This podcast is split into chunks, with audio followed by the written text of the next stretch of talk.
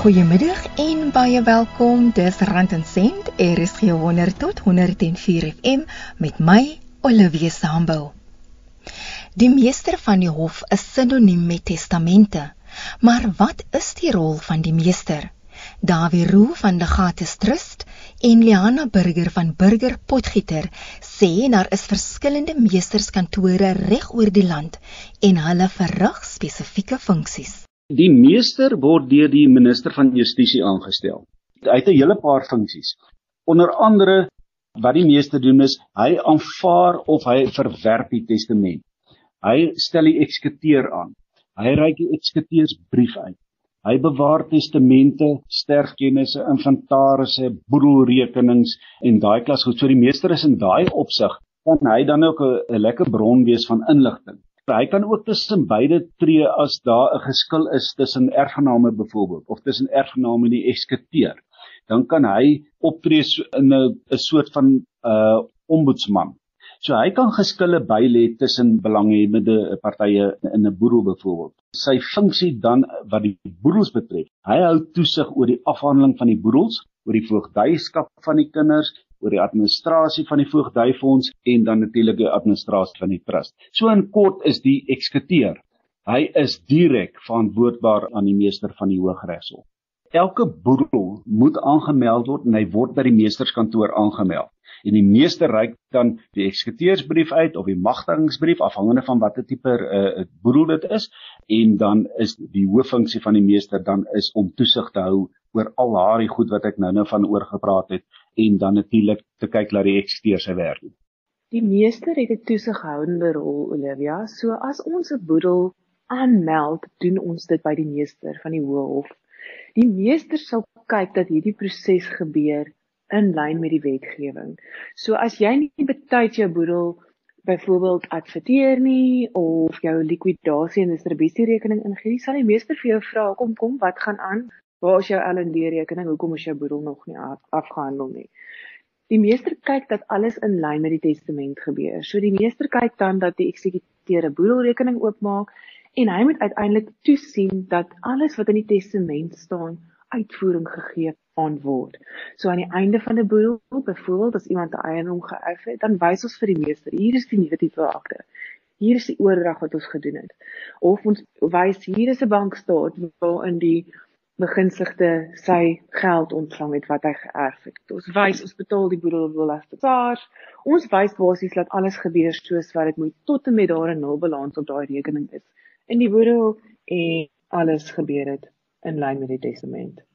Die meester gaan nie oorneem nie, maar die meester is daar om leiding te gee. So as byvoorbeeld een van die kinders dan meester toe gaan en sê hier's my pa of ma se sterftesertifikaat, hulle het nie 'n testament gehad nie, dan sal die meester so 'n persoon help om daardie proses te hanteer.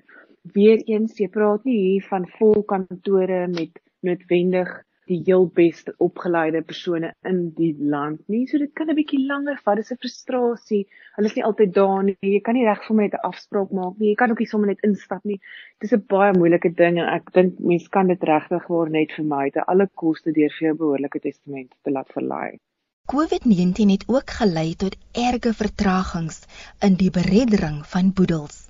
Ek kan vir jou wel sê nou met COVID-19 is dit 'n 100 keer erger. Die vertragings, hoe lank dinge vat. Natuurlik kon niemand nou enigiets doen nie. So jy kan dink mense wat angstig was vir hul erfborsies, jy weet, het nou regtig 'n moeilike tyd agter die rug. Dit was Liana Burger van Burger Potgieter in Kaapstad. Dikwels ontstaan 'n dispuut wanneer erfgename ontevrede is met die testament. Gewoonlik is dit emosioneel van aard. 'n kliënt kan byvoorbeeld of 'n erfgenaam, hy kan voel hy word nou te nagekom want sy partner vir hom die lewe dit en dat uh, beloof en nou in die testament is dit nie gedoen nie. So jy kan 'n onderlinge dispuut hê. Dan kan jy natuurlik jou ander dispute kan wees waar die erfgename voel dat die eksekuteur het nie na behoore sy werk gedoen nie of hy kan voel dat die eksekuteur bietjie te veel kostes gevra of hy het nie die regte prosedures gevolg Dis die tipe dispute wat kan gebeur. Die ander ding is natuurlik belasting. Waar die eksekuteur belastings betaal het en uh, die erfgename voel dan nou net hoorie maar hy het nou onnodig belasting gaan betaal want sy pa of sy ma se belasting was al die jare in orde en wat ook al. Dis alles dispute wat kan gebeur, maar dit word voorgelê dan uiteindelik sal die meester dan vir die eksekuteur dan opdrag gee om sis of sas uh, op te tree. Maar kan jy self van eksekuteur verander as jy ongelukkig is oor die diens of die kostes? Die enigste instansie wat by eksekuteur kan onthef is die meester van die Hooggeregshof. Net soos wat die meester die enigste instansie is wat 'n eksekuteur kan aanstel, is hy die enigste instansie wat 'n eksekuteur kan onthef. So as jy ongelukkig is met jou eksekuteur, kan jy hom nie self onthef nie. Jy moet dan na die meester toe gaan en jy moet dan beswaar by die meester maak en jy moet dan kan bewys dat hierdie eksekuteur nie sy werk behoorlik doen nie en dan as daar genoegsame gronde is dan sal die meester besluit of hy daai eksekuteur oor die vingers gaan tik en of gaan, gaan hy hom onthef van sy eksekuteurskap. Want die eksekuteur is direk aan die meester verantwoordbaar. Uit 'n praktiese oogpunt wil ek eintlik vir die luisteraar sê maak vir jouself 'n leer.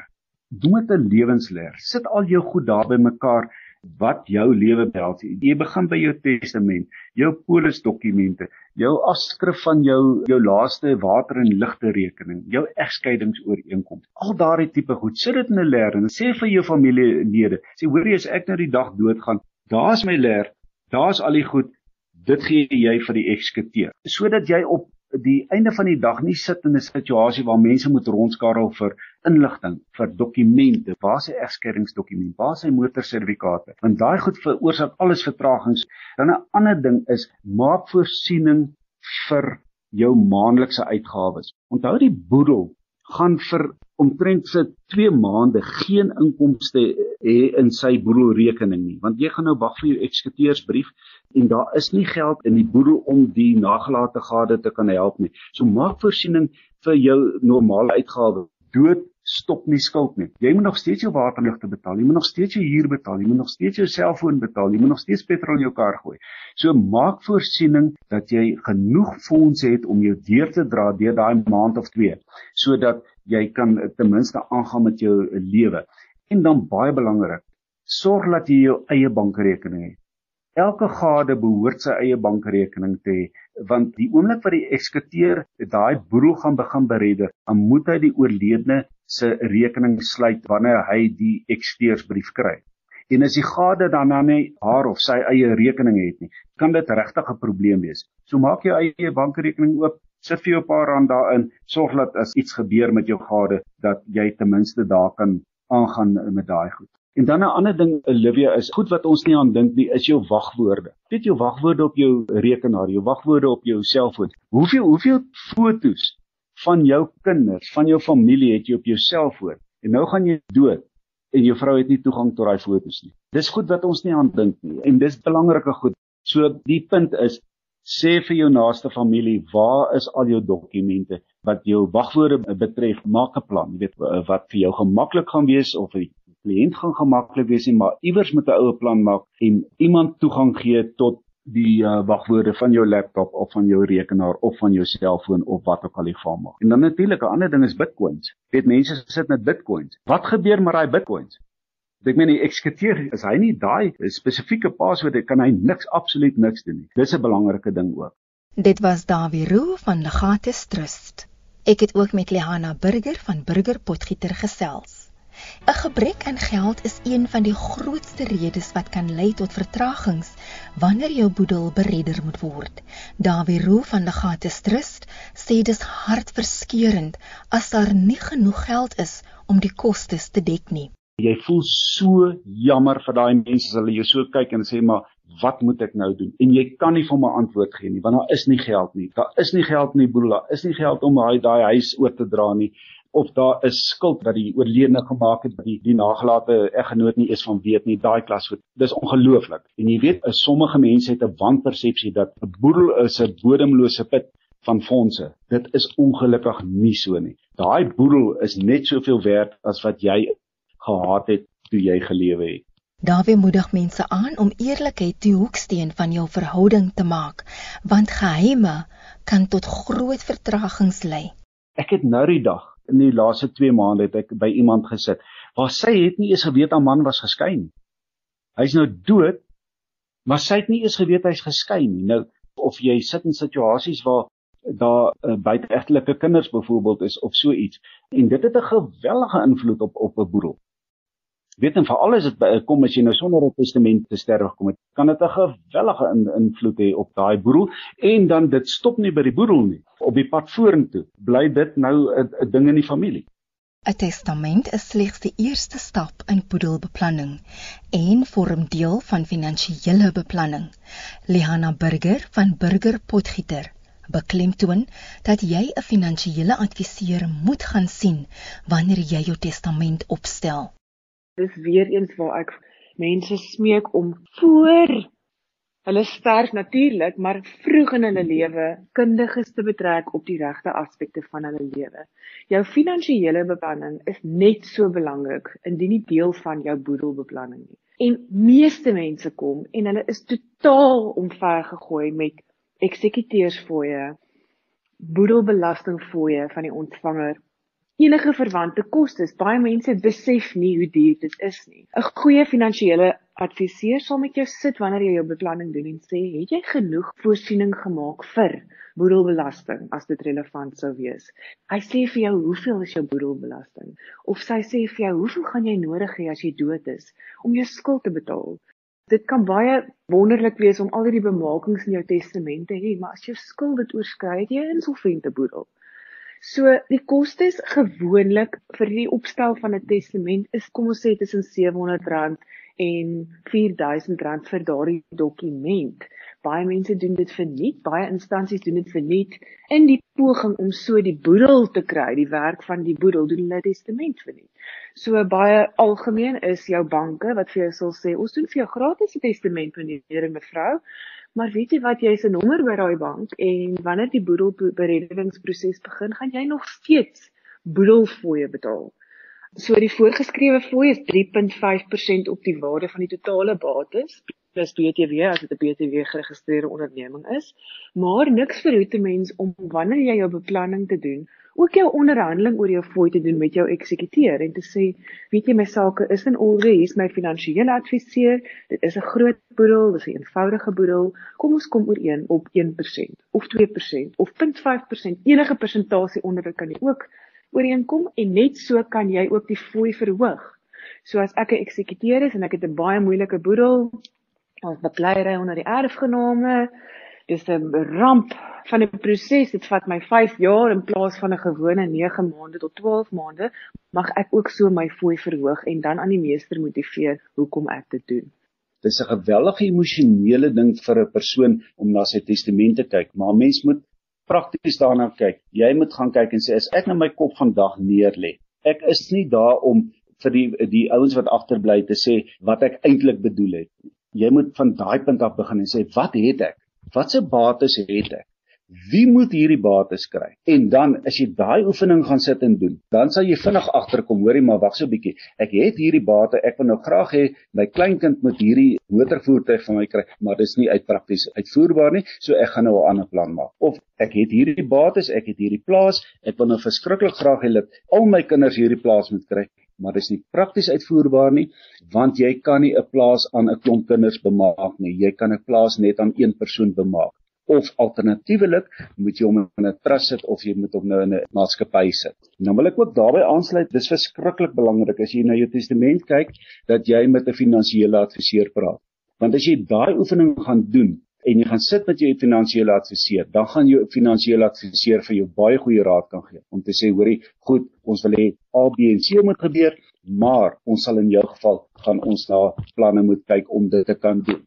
Dit was Dawie Roo van die Gates Trust. 'n Finansiële adviseur kan aan jou die regte raad gee, maar hoe identifiseer jy die regte een vir jou?